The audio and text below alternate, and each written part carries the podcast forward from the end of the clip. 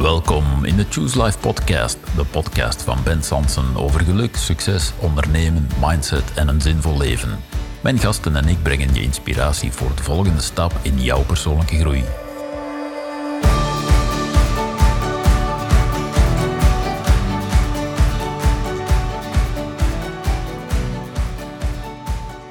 Dag lieve luisteraar. Fijn dat je weer afstemt op de Choose Life podcast. We krijgen heel wat leuke reacties en dat geeft elke keer weer zin om een nieuwe aflevering in te blikken. En ook met deze aflevering weet ik zeker dat je nieuwe inspiratie kan tanken. Vandaag is mijn gast Elke Geraerts en moest je haar nog niet kennen. Elke heeft een grenzeloze nieuwsgierigheid en passie voor mensen. Dat is wat we met elkaar delen, net zoals onze voorliefde voor de muziek van Leonard Cohen. Elke is wereldwijd een veelgevraagd keynote speaker over mentaal welzijn. Ze bekleden als dokter in de psychologie posities aan verschillende universiteiten. En vandaag staat ze aan het roer van Better Minds at Work, waar ze met haar team professionals echt mooie dingen realiseert in organisaties. Een druk bestaan dus, maar met een sterke focus op haar doelen heeft ze ondertussen haar vierde boek in de rekken liggen. Het komt vandaag uit en ik sprak net voor de release met Elke over de belangrijkste inzichten. Over hoe hybride werken in het post-corona-tijdperk. Over kansen om nieuwe gewoontes aan te nemen en over hoe je breinbewuster keuzes kan maken. Of zoals Elke zegt, het wordt nooit meer zoals vroeger en misschien is dat maar goed ook. Je krijgt alle inzichten samengevat in de volgende drie kwartier. En wil je ook het boek, luister dan zeker tot het einde, want ik mag er weer vijf weggeven. Hier komt Elke Gerards met de mentale reset, oftewel meer veerkracht in het post-corona-tijdperk.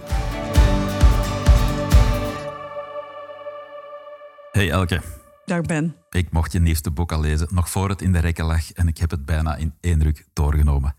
Veel relevante inzichten over veerkracht, over het post-corona-tijdperk, over hybride werken. En ik heb het idee dat het ook voor jou een nogal persoonlijk boek werd, waardoor het me trouwens nog meer aansprak dan al je vorige boeken. Over persoonlijke inhoud gesproken, ik kan nauwelijks wachten om je helemaal uit te vragen waarover je nieuwste boek gaat, maar laten we as usual maar starten met een persoonlijke vraag en dan zien we wel hoe het gesprek verder loopt. Met andere woorden, welke knop mag ik voor jou indrukken? Knop 1. Voilà, hier komt die. Hoe ziet voor jou een ideale dag eruit? Een ideale dag begint met, voor mij met focustijd. Ja, en wat is focustijd voor jou? Focustijd betekent uh, zonder afleiding aan iets kunnen werken. Um, bijvoorbeeld een presentatie of een stuk van een boek schrijven volledig in de flow geraken en uh, dat zo 1, 2 uur volhouden. Ja. En dan pas uh, uitreiken naar de rest van de wereld. Oké, en dan het kopje koffie sla je over. Je staat op en je begint meteen met die focustijd, of hoe gaat dat? Mm, nee, de, de koffie wel eerst. Ja, dat sowieso wel, ja. En dan, ik, ik, ben gewoon heel nieuwsgierig hoor, dan uh, neem je ook geen e-mails binnen of telefoons of eerst focustijd? Ja, dan staat alles af. En hoop ik uh, die, die, die golf van aandacht te vinden waarop ik dan een tijd kan surfen. Ja, en dat doe je bijna elke werkdag dan? Mm, mijn dagen zijn wel wat variabel, uh, zeker als ik lezingen geef, uh, ja. ofwel ergens fysiek ter plekke of online. Ja. Dan begint dat ook wel vaak in de ochtend. Ja, dus okay. ik streef ernaar om een, om een tweetal keer per week een ideale werkdag te hebben. Ja, mooi. Klinkt bekend, dat doe ik trouwens zelf ook. En dan de rest van de dag, na de focustijd? Na de focustijd, ja, toch wel uh, ja, kijken wat er in de mailbox zit. Uh, ja. Welke opdrachten nog verder bekeken moeten worden. Soms de inhoud ingaan met de teamleden. En ook wel uh, regelmatig tijdens de week quality time met mijn kinderen. Twee ja. dochters van vijf en zes. Ja, dit zijn wel de jaren om hen ten volle te kunnen meemaken. Dus dat hoort zeker ook bij mijn ideale je zet, dag. Je zet tussendoor ook nog twee kinderen op de wereld. En dan heb je ook nog je derde of je vierde boek zelfs, denk ik, uh, in de rekken liggen. Aan, aanvankelijk was het uh, bij mijn eerste twee zwangerschappen telkens een boek schrijven. Ja. Mensen dachten of ik dat ritme ging aanhouden, maar uh, het zijn alleen nog maar boeken. Ja, Oké, okay, kan ik me iets bij voorstellen. Hey, ik heb je boek gelezen. Ik heb heel veel leuke linkjes om het tijdens dit gesprek, of waarover we het tijdens dit gesprek kunnen hebben, liever. Uh, maar ik ga beginnen met een persoonlijk vraagje. Mm -hmm. Ik zei net al voor we op de record-knop duwden. Ik ben gisteren naar een netwerkevent geweest. Het, uh, even denken, derde in twee weken tijd. En ik was best overprikkeld toen ik buiten kwam. En dat had ik pas door toen ik in bed lag. Ik kon eigenlijk niet slapen. Dat was afgelopen nacht zo, dat heb ik vorige keer gehad. Ik heb vanavond weer iets op de agenda staan. Is dat een typisch post-corona gegeven? Hoor je dat nog? Ja, en ik ervaar het ook bij mezelf. Ehm, ben van nature ook wel een introvert. Mhm. Aan de pandemie en het thuiszitten heeft dat natuurlijk alleen maar in de hand gewerkt. Ja. Uh, maar ik hoor het van veel mensen dat de prikkels, uh, terug naar kantoor gaan of het netwerkevent, dat dat echt binnenkomt. Soms te fel binnenkomt. Mhm, En ja. uh, dat mensen er last van hebben, daardoor ook Ja. minder goed slapen. Maar ja, voor je het weet zit je dan in een visieuze cirkel. Hè, Ja. waar, eh, is, is het iets waar je dan weer terug aan went, eh, post-corona gewijs? hmm, ik vind dat moeilijk te voorspellen. Want. Het is zo iets I'll let you know, want ik heb er vanavond weer in, zoals Ja. gezegd. Maar wel boeiend dat je niet de enige bent. Eh, daar gaat je boek ook een stukje over, hè? over het hele post-corona gebeuren. Ja. Ik, eh, ja, als ik dan boeken lees, ik kijk altijd eerst naar de inhoudstabel om een beetje structuur in mijn hoofd te vormen, zeg maar. Mhm. Ehm, en mijn oog viel meteen op een van jouw titels. Gelukkig duurde de crisis lang genoeg. Ehm, ik ken je ondertussen ook lang genoeg om te weten dat je daar wellicht iets heel positiefs mee bedoelt. Maar ik ging toch meteen dat stukje lezen omdat het best controversieel is. Wat is het voordeel van een crisis die lang genoeg duurt? Ja, als de crisis heel kort geduurd zou hebben, zou er niks veranderd zijn. Ja. Dan, stel, het was eh, een maand geweest, zoals we dat aanvankelijk dachten. Hè? Ja, Zo ja. na de paasvakantie is alles weer bij het normale. Dan hadden we niet echt iets geleerd. Mm. Terwijl nu, ehm, ja, meer dan anderhalf jaar, betekent ook dat we andere hersenpaden hebben gecreëerd in ons Ja. brein. Dat we nieuwe gewoontes wel echt ten volle hebben kunnen ontdekken Ja. en volhouden. Ja. Dus het En- gaat over nieuwe dingen die je ontdekt, zoals bijvoorbeeld een avondwandeling hebben wij dan ontdekt als Mhm. gezin. Dat, je dat, pas een, dat wordt pas een gewoonte na een bepaalde tijd, zeg je dan. Ja, inderdaad. Breingewijs. Ja. Breingewijs. Maar andersom ook, hè, Ben. Eh, dingen die misschien voor de pandemie veel eh, stress opleveren, dat die dan ineens wegvallen. Ja. En dat je daar dan ook aan leert wennen gedurende maanden. Ja. Terwijl als dat dan maar een maand wegvalt, dan vind je het daarna weer eh, heel normaal. Hè? Stel, de pandemie had een maand geduurd en jij moest vanavond naar een netwerkevent, dan had je geen verschil gemerkt. Nee, Terwijl precies. Ja. nu zegt jouw brein en jouw lijf van ho, halt, Ja. dit is te veel. Ja, ja. Ja, de agenda zag er ook helemaal anders uit. Hoewel ik toch merk eh, dat ik daar zelf strakker moet bovenop zitten. Dat mijn agenda weer precies het patroon begint te vertonen van, eh, van voor de pandemie, zeg maar. Ja. Al besef ik nu wel veel beter, dit is niet wat ik helemaal wil. Ja, ja. ik ervaar dat ook zo. Ja, ik moet het alleen nog eh, heel concreet in de context vertalen. Ja. Ehm, ik denk dat COVID voor heel wat mensen een lastige periode was. We komen ook nog heel wat andere lastige uitdagingen tegen. Ehm, je hebt het dan over vier hefbomen van veerkracht. Hè? Mhm. Eh, kan je daar iets meer over vertellen? Jazeker. Ehm in eerste plaats een portie zelfbewustzijn. Mhm. Bewust ervaren wat er in jouw brein zich afspeelt. Eh, de stress. Vaak zijn mensen op automatische piloot niet goed bewust van hoeveel stress we toelaten. En vinden we dat drukke, gejaagde gevoel normaal. Hmm. Dus belangrijk om, om veerkrachtig te zijn, is eh, ja, het goed bewust doorhebben wanneer eh, je lijf eh, begint te roepen van stop, ik raak Ja, in ja, Dat overdrive. is niet oké. En is Ja. het iets wat je kan ontwikkelen? Stel dat er een luisteraar zegt, zelfbewustzijn klinkt mooi, maar Mhm. hoe doe ik dat dan? Ja, kan je eigenlijk best makkelijk ontwikkelen. Door jezelf aan te leren om regelmatig de vraag te stellen, wat ben ik nu zo net aan het denken geweest? Ja. Echt een seconde geleden. Ja. En wij zijn daar niet zo goed meer in, omdat we ja, vaak snel leven. Veel, veel druk, veel prikkels. Dus dat zorgt ervoor dat mensen nog zelden naar hun brein luisteren. En als we dan eens vrije tijd hebben en op eh, de zetel ploffen, dan gaan we heel vaak een apparaat erbij pakken Ja. om onszelf weer te Even Netflixen, entertainen. binge-watchen en klaar. Ja, en nooit meer gewoon met onszelf. Dus ja, je kan het leren als je regelmatig jezelf de vraag stelt: wat ben ik aan het denken? Bijvoorbeeld op een moment waarop je verveelt. Of dat je linkt aan bepaalde routines in je dag. Hè. Ja. Je zit hier nu met een kopje thee. Als je dan jezelf de vraag stelt bij die eerste slok: wat ben ik aan het denken? En dat wordt een routine. Hmm. Dan ga je al heel wat momenten in je dag hebben dat je automatisch die vraag gaat stellen. En dan weer even bewust wordt van, ach, ik ben weer eh, stresserende gedachten aan Ja, het kweken als Ja, gek. ja. En dat je het dan een halt toe roept. Ja. Ik geef mensen ook wel eens uh, de opdracht, nadat ik ze zelf ooit heb leren, leren doen, zeg maar, om af en toe op te schrijven, wat ben je op dit moment aan het denken, dus zoals Mhm. jij zegt, maar ook nog gecombineerd met, en wat ben je dan aan het doen en wat voel je daarbij? Mhm. En dat is zo'n eye-opener voor mensen, als ze gewoon af en toe opschrijven, wat denk ik, wat doe ik en wat voel ik. Mhm. Uh, Ja. Om dan meer zelfbewustzijn te ontwikkelen. En met meer zelfbewustzijn, hoe, hoe vertaal je dat dan precies naar veerkracht? Ja, als je bewuster bent van eh, de gedachten in je brein en die zijn bijvoorbeeld stresserend en eh, het aantal angstige gedachten neemt toe. eh, met dat zelfbewustzijn kan je die de kop indrukken, neutraliseren of zelfs iets positiefs van maken. Ja.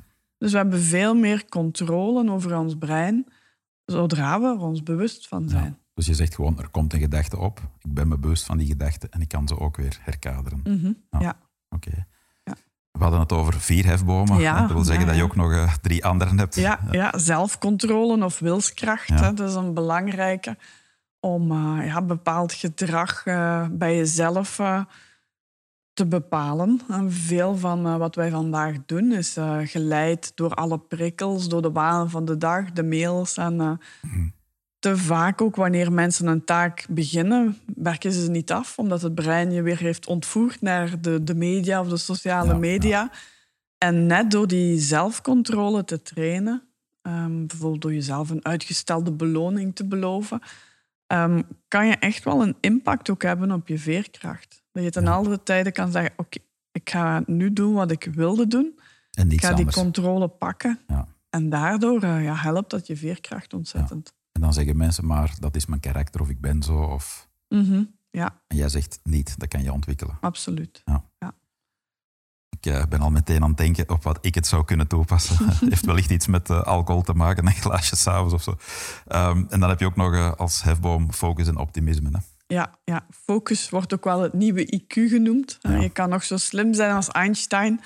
Als je er niet meer in slaagt om je te focussen op datgene dat echt belangrijk is, ja, wat ben je dan nog met dat geweldige IQ? Ja. Maar ik zie ehm, dat mensen daar heel lastig mee hebben om zich nog te focussen op de essentie. Veel worden afgeleid, vaak gaan multitasken.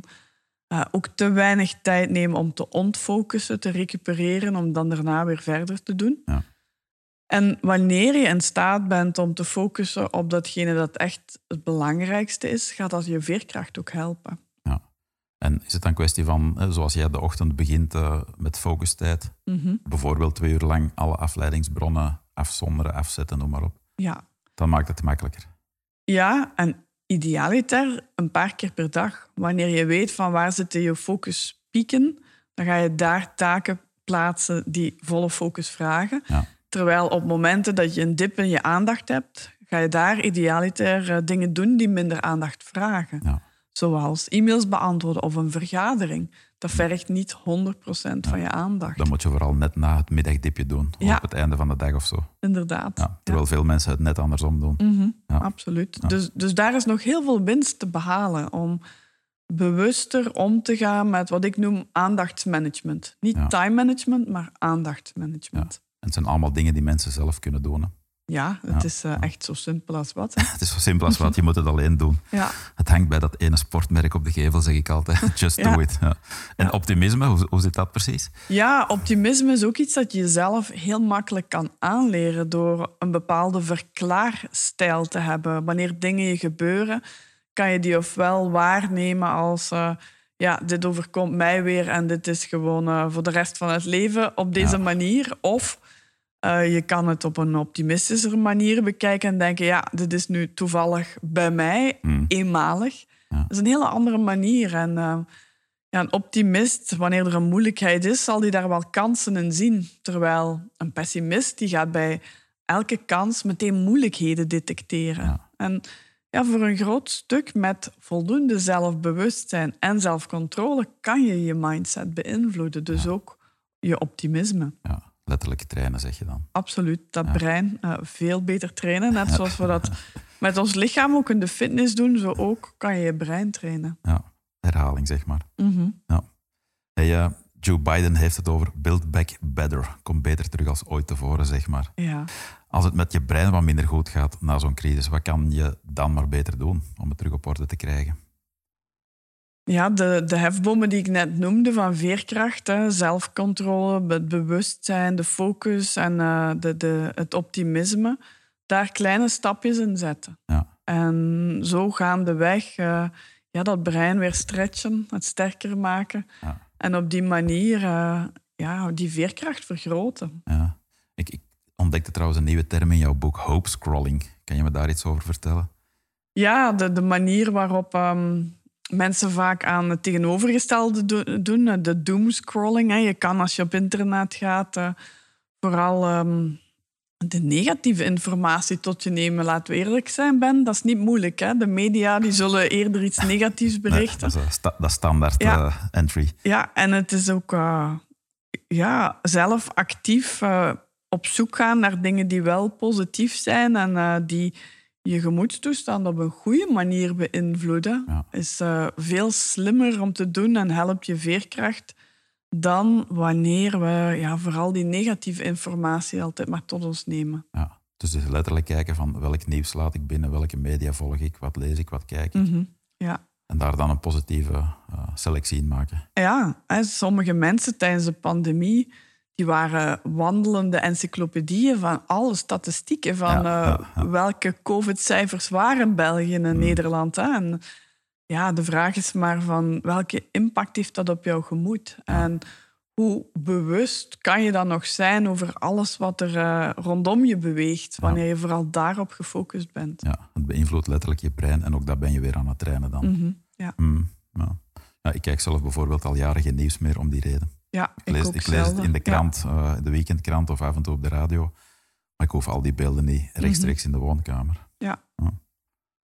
Zo simpel is het soms. Ja. Mhm. Hey, eh, ik denk dat jij en ik allebei grote believers zijn van ownership in je leven. Je Mhm. leven in handen nemen, ook zelf boetseren waar het kan. Want eh, het leven dient zich ook een stukje aan natuurlijk. Wat vind je daar belangrijke inzichten in als het gaat om ownership in het leven? Oh, ja, ik ben zelf een absolute voorstander om dat eigenaarschap te pakken. Ehm, en ik denk dat het start met eh, dat zelfbewustzijn waar we het Mm. net over hadden. Vaak hebben mensen niet door dat ze zich wentelen in een slachtofferrol. Alleen maar aan het klagen en aan het Ja, zagen zijn. Hè? De Calimero uithangen, als het Mhm. ware. En ik merk... Je krijgt er wel aandacht voor in de plaats vaak. hè. Ja, dat, dat is zo. Ehm, maar of dat dan de juiste aandacht is, is dat, maar hoor, de ik- vraag. dat hoor je me niet zeggen, maar dat is wel wat de, de beloning dan Mhm. is. Ja. Ja. Ja, en ik denk daar... Ik merk dat eh, de Calimero's, als het ware, heel vaak de controle buiten zichzelf leggen. En daar voor zichzelf al rechtvaardigen dat ze daarover kunnen gaan zagen. Over, Mhm. Want je gaat dan telkens op, op wat andere mensen doen een evaluatie leggen. Ja. En wij proberen regelmatig mensen te trainen in hun zelfbewustzijn. En dan zie je dat daar ook meer eigenaarschap mee komt. We hebben wel eens de metafoor hoe je van een Calimero naar een zogenaamde Calihero kan gaan. Ja. De held, iemand die wel eigenaarschap pakt. En dat start altijd met zelfbewustzijn. Ja. En kan je een voorbeeld geven van mensen die dat niet doen, bijvoorbeeld, of net wel doen? Mhm. Ja, in de pandemie vond ik dat je dat vaak zag. Mensen die zich met vereenzelvigden met de miserie die er heerste en de hopeloosheid Ja. die er werd gecreëerd. Versus als je dan net wat bewuster zou kijken, vanaf een afstand zou kijken, dan hadden we ook kunnen concluderen, wauw, in wat voor een boeiend tijdperk leven wij, ondanks uiteraard Ja, alle alle negativiteit, maar we waren wel als maatschappij en als wereld in staat om te blijven voortwerken door de technologie die er was. Onze kinderen hebben voor een groot stuk onderwijs kunnen verder volgen Hm. door de technologie. Dus er is, er is ook heel veel goed geweest aan deze tijd. wel, ja. Maar daarvoor moet je ietsje langer kijken, bewuster kijken. En wanneer je dat doet, ga je niet meer je vereenzelvigen met de, alleen maar de ellende, Ja. maar eh, ja, er wat positiever naar kunnen kijken. Ja, ja, mooi. En als het gaat om ownership in je leven, dan heb je het op een gegeven moment ook over eh, start met je waarom. Mhm. Je raison d'être, zeg maar. Ehm, ik vind het niet zo makkelijk. Voor mezelf wel, maar ik zie daar toch veel mensen mee worstelen. Heb jij, je- heb jij dat voor jezelf helder? waarom je doet wat je doet? Ja, ik denk het wel. ja, dat is mooi, dat is eerlijk. ik ik denk dat dat Want voor ik denk dat ook dat ik dat, dat wel heb, maar ik weet het ook niet zeker Ja. natuurlijk. Ja. Ja, ik vind het belangrijk om mensen te inspireren, om daar impact op te hebben. En soms ook mensen wakker te schudden dat ze ja, dat eigenaarschap wel moeten pakken. En bij mij komt ja, het, het, het gaan studeren van psychologie eh, hangt natuurlijk samen met eh, mensen willen helpen. Mm. Eh, en gaandeweg is, dat, eh, is die waarom versterkt naar niet gewoon breed mensen helpen, maar mensen bewust maken van de veerkracht die we hebben. Ja. Dat iedereen die heeft. Ik heb eh, voor mijn doctoraat heel veel slachtoffers van seksueel kindermisbruik Mm. ontmoet, Ja. als ze al volwassen waren. En daar zag je dan een groot deel van de mensen heel veerkrachtig mee omgaan. Ja. Die zeiden van ja, dat trauma uit mijn kindertijd heeft mij niet klein gekregen. Integendeel. Ik heb hem eens getoond eh, hoe geweldig Ja, eh, ik ja. kan zijn. Versus ook een deeltje dat dat trauma uit de kindertijd nog steeds als eh, reden koesterde waarom het dan allemaal mislukte in het leven. Ja. En ja, die En, mensen... en beide zijn een keuze, zeg je eigenlijk. Ja, die mensen hebben mij zo wakker geschud. Ik had zoiets van, ja, maar zij dat kunnen met die trauma's uit de kindertijd, dan moet toch bijna iedereen Ja. dat kunnen, ongeacht de context waarin we leven. Ja, ja. Wees trouw aan jezelf, Ja, zoiets. ja. Ik eh, neem er eentje uit je boek. Mhm. Copy, paste niet. Nooit, never, jamais. Ja, Ja. inderdaad. eh. ik vind het belangrijk om eh, voldoende dicht bij jezelf te staan en niet een bepaalde keuze te maken omdat anderen het zo hebben gedaan. En dat eh, vanuit je waarom gaat nadenken welke richting je wilt uitslaan. Ja, en ook daar trouw aan blijven. Ja, Dat doet me denken aan een quote trouwens van eh, Oscar Wilde, die ik ooit eens zag eh, in Parijs, denk ik, als ik me goed herinner. De meeste mensen zijn andere mensen. Alsof we ander- allemaal maar het leven van anderen leiden, zonder na te denken over eh, wat wil ik precies. Ehm, doen we maar wat de buurman doet, zeg maar. hè. ja. Neem je tijd eens niet. Ook die kwam uit je boek en verraste me. Ja, waarmee je een stukje aangaf eh, dat we soms heel veel tijd nemen op momenten dat we ons niet goed voelen. Ik zeg maar, we gaan in burn-out of we hebben iets heftig meegemaakt of een echtscheiding of andere trauma's. En dan nemen mensen maanden tijd om te bekomen. Mhm. En jij zegt, misschien moet je dat ook niet doen. Zoiets? Ja, Ja. inderdaad. Ehm, ook dat is een beetje kopieergedrag. Hè? Van als er iets overkomen is, dan, dan hoort het bijna zo dat je daar dan veel tijd voor neemt. Ja. Ja, als eh, bijvoorbeeld eh, iemand zijn geliefde verliest door een overlijden, dan hoor je daar heel lang over eh, Ja. droevig te zijn en te rouwen. En wordt er bijna kwaad gesproken wanneer iemand dan redelijk snel een nieuwe partner heeft. Terwijl ja, ik vind dat je daar ook ehm, mensen moet respecteren dat ze hun tijd niet nemen Mm, en mm, ja. verder willen gaan. En dat betekent niet dat eh, die rouw er niet is, maar dat iemand dat parallel verwerkt. ja. Dat moet toch ook kunnen? En dat je daar niet helemaal moet in verliezen. Ja, Ja, ik hoorde het Manu Kersen ooit vertellen, 25 jaar geleden. Die man zei van, eh, als je heel lang thuis zit, te rouwen bijvoorbeeld, Mhm. ja, dan zegt het hele dorp, die komt er niet bovenop. Heb je trap een nieuwe partner, dan zegt het hele dorp, die laat er ook geen gras over groeien. Ja, ja. Het is nooit goed. ja, exact. En daarom moeten we er ook geen rekening mee houden wat andere mensen denken. Een welgemeende Ja. piep. Ja. Ja. Alright. eh, misschien moeten we het dadelijk nog even hebben over het hybride werken, want dat vind ik ook een heel boeiend thema in deze tijd, waar, eh, waar je boek ook een stuk over gaat. Maar misschien nog eentje over zo, dat ownership in je eigen leven. Ehm, iets wat mij heel hard boeit. Eh, je hebt het ook over een doel dat groter is dan jezelf. Dat je zoiets moet nastreven.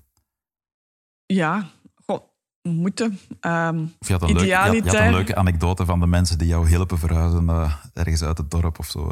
ja, ja, klopt. Ehm, ik ben eh, recent verhuisd en er was zo'n eh, app in de buurt eh, die er- die ervoor zorgde dat je kon uitreiken om eh, hulp te vragen of te geven. En de pandemie had ik eh, mijn hulp daar zelf op gezet om eh, boodschappen te doen voor mensen. Ehm, maar op een bepaald moment dacht ik dan, oké, ik ga toch eens vragen of er iemand voor mij naar het containerpark wilt gaan. Ja. Ehm, Ik doe jouw boodschappen als jij mijn containerpark ja, doet. niet eens. Ja. Nee, want dat, dat zijn andere mensen. Hè? Dus ehm, Ja, ik ken de app niet. Welke ja. is het trouwens?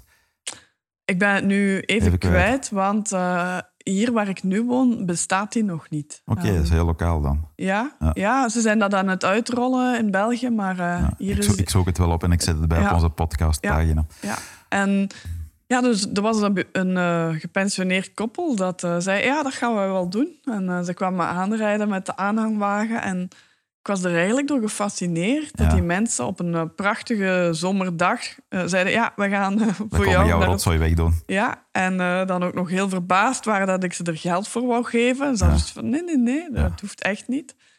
En dus ja, van, ja, het is toch beter dan eh, weer het zoveelste terrasje te doen met z'n tweeën. We Ja. kunnen beter eh, ook iets nuttigs doen. Ja. hè. Dat- Dus die mensen waren met iets nuttig bezig en dat was voor hun zingeving in het leven, zeg ja, maar. ja.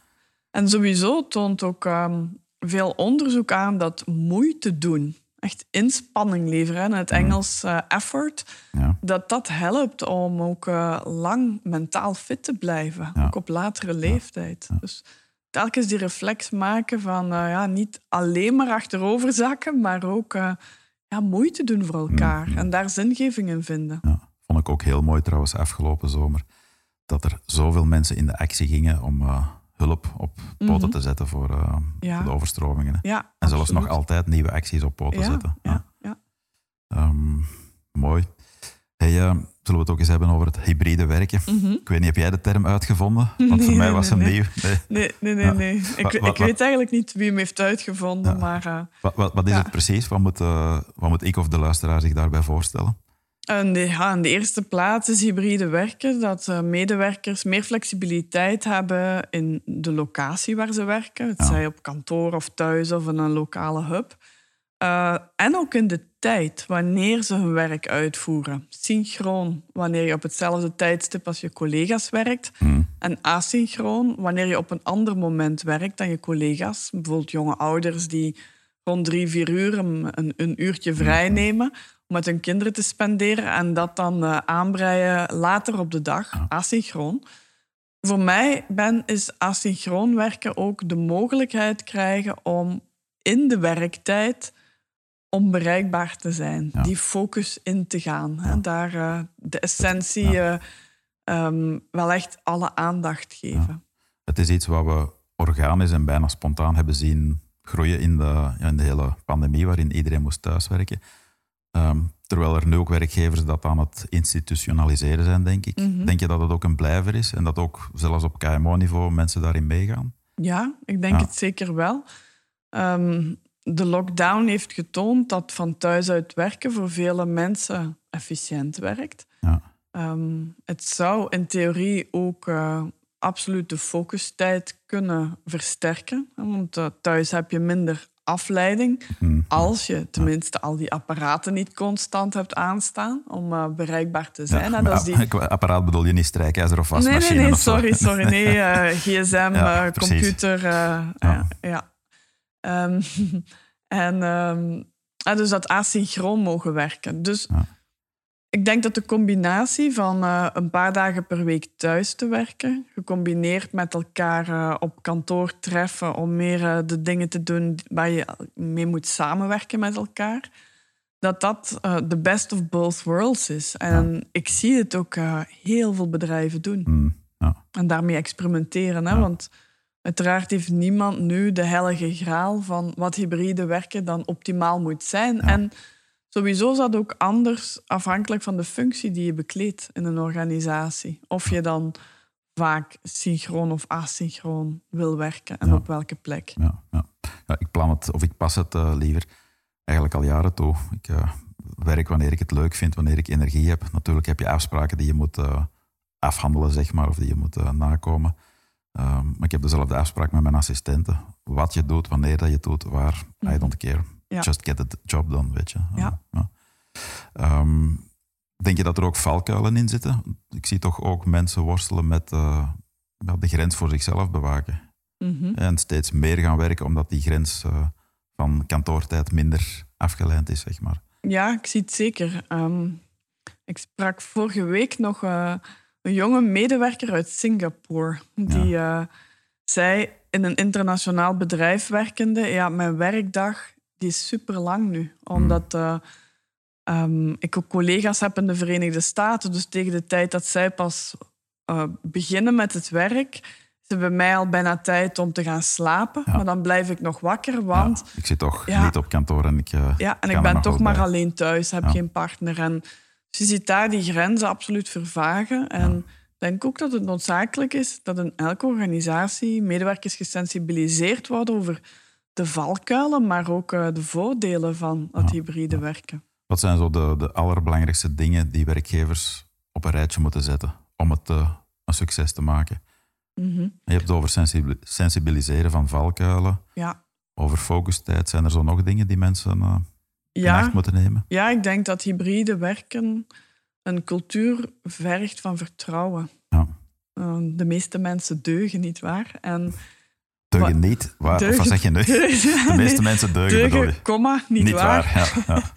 en van, uh, ja, de meeste mensen deugen. Een prachtig boek van Rutger Brechtman. Ja. En dat is ook zo. De meeste mensen deugen. Nochtans, het beleid rond hybride werken is vaak uh, gericht op die paar enkelingen die de kantjes ervan aflopen. Die denken dat thuiswerken niksen is. Ja.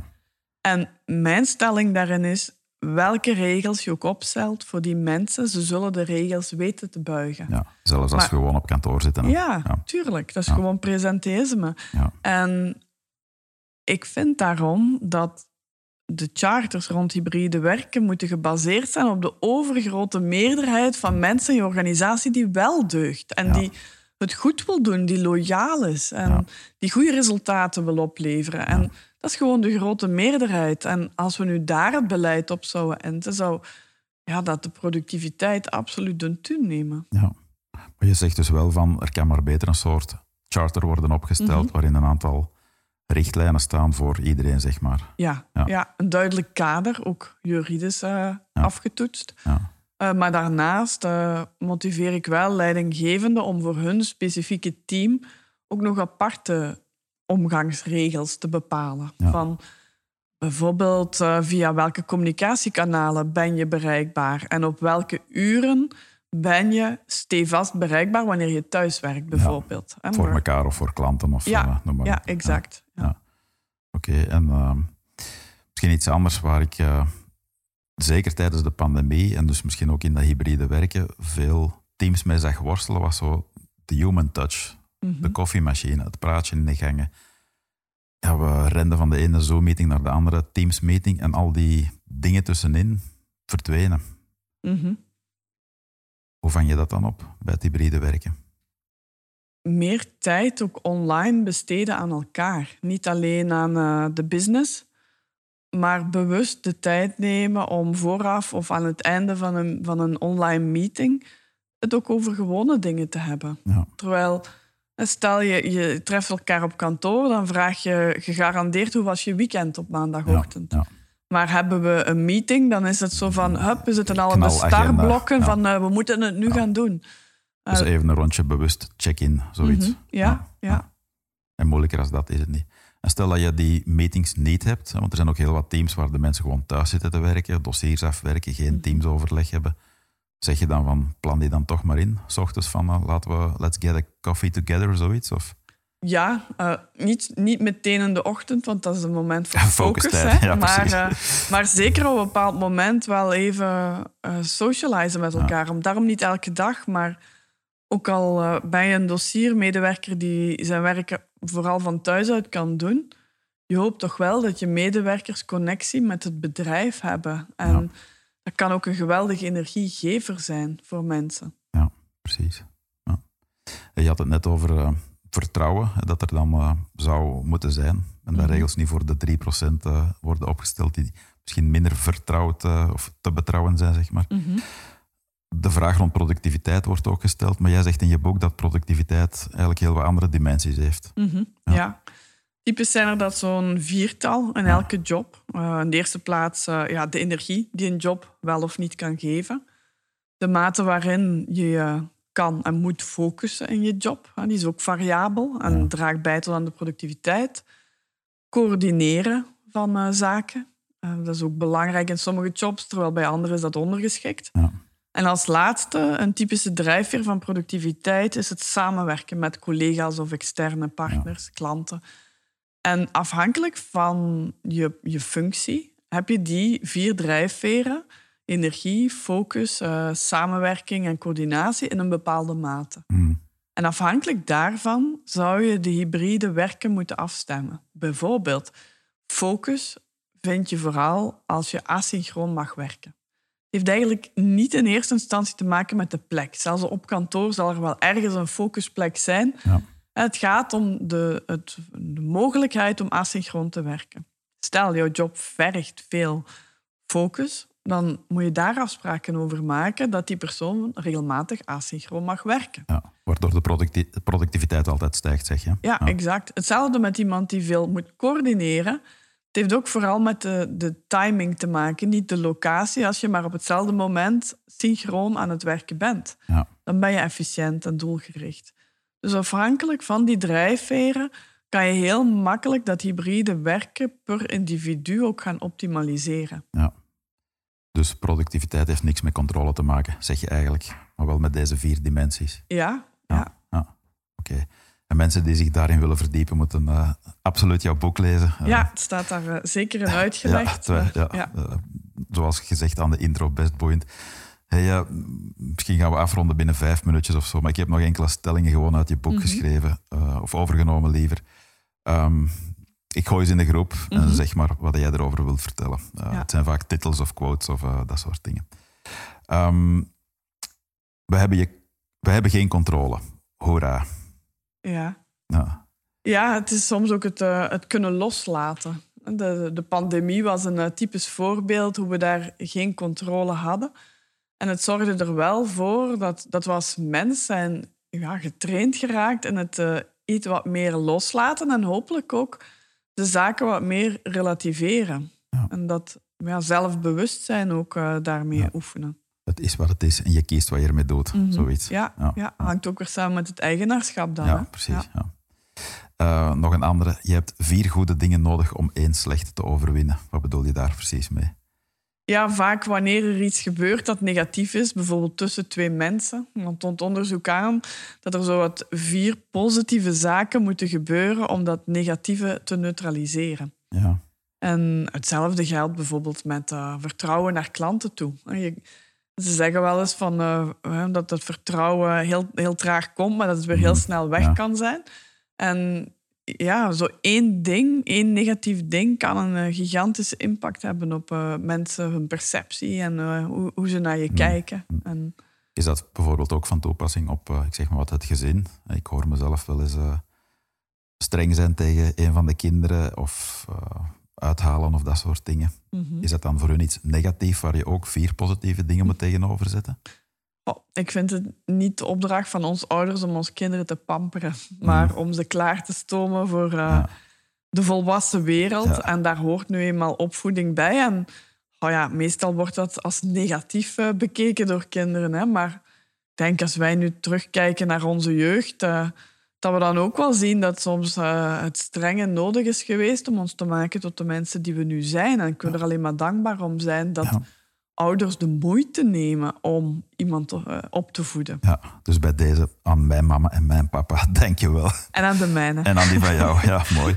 Ehm, nog twee stellingen. Zelfs wie niets heeft om over te klagen, kan nog ongelukkig zijn. Ja, absoluut. Eh, ik heb regelmatig mensen tijdens de pandemie gehoord eh, die vanuit het poolhouse aan het eh, zwembad eh, gigantisch aan het klagen waren over de lockdown. Terwijl ik ook jonge afgestudeerden in een heel druk bewoond huis met allemaal leeftijdsgenoten veel positiever heb gezien. Ja. Ehm, de lockdown zorgde er ook voor dat ik als keynote spreker eh, vaak in eh, huiskamers kwam over de hele wereld. En ik herinner me nog in het begin, toen Italië zo geïmpacteerd was, eh, gaf ik een sessie voor een organisatie in Italië. En zat ik binnen in die huiskamers en ja, klein en je hoorde al die sirenes op straat, de, de drukte. En hoe positief daar mensen toch bleven en trots te zijn op hun land. Ik heb ook mensen hier in België meegemaakt met alle rijkdom, maar die toch maar bleven zagen over eh, Mhm. in welke mate we geïmpacteerd waren. Ja. En ook daar weer, it's a choice. Ja, en ook daar komt opnieuw het eigenaarschap kijken. En toch zeg je ook in je boek, als het goed met je gaat, dat is verdacht. Ja. ja. En toen ik hier bij jou binnenkwam, vroeg je aan mij, we hadden elkaar al lang niet meer gezien, van uh, hoe gaat het met je? En ik mhm. zei maar heel eerlijk, niet altijd even goed. Ja, ja. en dat, dat waardeer ik ook zo, Ben. Ik denk dat we daarom ook al zo lang meegaan met elkaar. ja, dat kan. Omdat het uh, eerlijk is en uh, dat we transparant zijn over hoe het gaat. Ja. En ja, ik denk dat de pandemie mij ook wel heeft geleerd om nog selectiever te zijn en met wie ik omga. En als mensen te oppervlakkig uh, de schone schijn uh, blijven hooghouden. Ik heb daar niks mee. Ik vind dat ja. tijdverspilling. Ja, goed. Het zijn maskers die we allemaal uh, wel eens opzetten. Ja, Op allerlei netwerkevents. als je aan mensen vraagt hoe gaat het met jou, zegt iedereen Sava of goed. Of... Ja, ik zeg dan, of als iemand aan mij vraagt en alles goed, hmm. dan antwoord ik stevast het meeste. Ja, het meeste. En soms zie je dat mensen kijken van, huh, hoezo? Ik zeg, ja, hoe, hoe kan nu alles goed gaan? Ja. Er zitten zeker wat dingen in mijn leven dat ietsje suboptimaal is. Dus ja, suboptimaal, dat is mooi gezegd. Ja. Hey Elke, uh, we gaan uh, bijna afronden, maar toch nog één vraag. Wat is het mhm. meest spannende of het meest boeiende dat deze week nog op jouw agenda staat? Mm. Morgenavond moet ik een lezing geven in Nederland voor een groot gezelschap van alle bedrijven die samenkomen voor het eerst post-COVID. Ja. Een grote theaterzaal, echt uh, honderden mensen daar. En de introverte mij vindt het wel weer spannend om op podia te staan en uh, mijn energie niet te laten compleet bepalen door het publiek en uh, de, de onmiddellijke reacties, maar gewoon sterk, energiek in mijn eigen schoenen te blijven staan en mijn verhaal te doen, wat ik voor de pandemie heel gezwind deed, maar nu wel weer moet een beetje aanleren. Dus, uh, grappig dat je het ja, zegt. Ik vind het wel spannend. Ik heb volgende week maandag, ik denk 300 man en zelfs alleen maar online in de mhm. zaal zitten. Dus ik sta gewoon op kantoor in mijn filmstudio. Ja. En ook dat vind ik spannend, waar ik daar twee jaar geleden gewoon ja, vingers in de neus en uh, leuk en aardig. En, ja. Oké, mooi. hey, ik heb al gezegd, jouw boek heb ik al mogen lezen als een soort preview. Het ligt mhm. eh, ook binnenkort in de winkel. Ben je nieuwsgierig naar het boek van Elke Gerards met als titel De Mentale Reset? Dan mag ik weer vijf boeken weggeven. Ga voor die winactie naar benshansen.com schuine streep Elke. En misschien nog leuk om mee te geven, Elke, ik uh, heb jou al vaker mogen zien als keynote speaker. Dat doe je erg goed. Dus uh, ik mag aannemen dat ik uh, mag zeggen, wil je elke inplannen als keynote speaker, dat ze jou gewoon kunnen contacteren. Ja, zeker. je doet het nog altijd graag, want je hebt meteen uh, een brede lach op je gezicht. ik denk, pagina Better Minds at Work, dat ze jou vanzelf kunnen vinden. Mm -hmm. Ja, jou en je hele team, want je hebt natuurlijk een hele tent rond mentaal welzijn opgezet, die het erg goed doet. Dus Elke, ik ben blij dat ik tot bij jou mocht komen. Leuk om eens uh, op locatie te zitten, mm -hmm. waar ik meestal toch bij mij in de studio zit. En misschien nog voor de lieve luisteraar, uit uh, elk boek probeer ik minstens drie dingen toe te passen. Ik durf je na deze podcast ook uitnodigen om met enkele inzichten van deze podcast aan de slag te gaan of uh, natuurlijk om meteen het boek van Elke te lezen. Als luisteraar ben je geboeid door een zinvol leven, anders zou je deze nu niet beluisteren.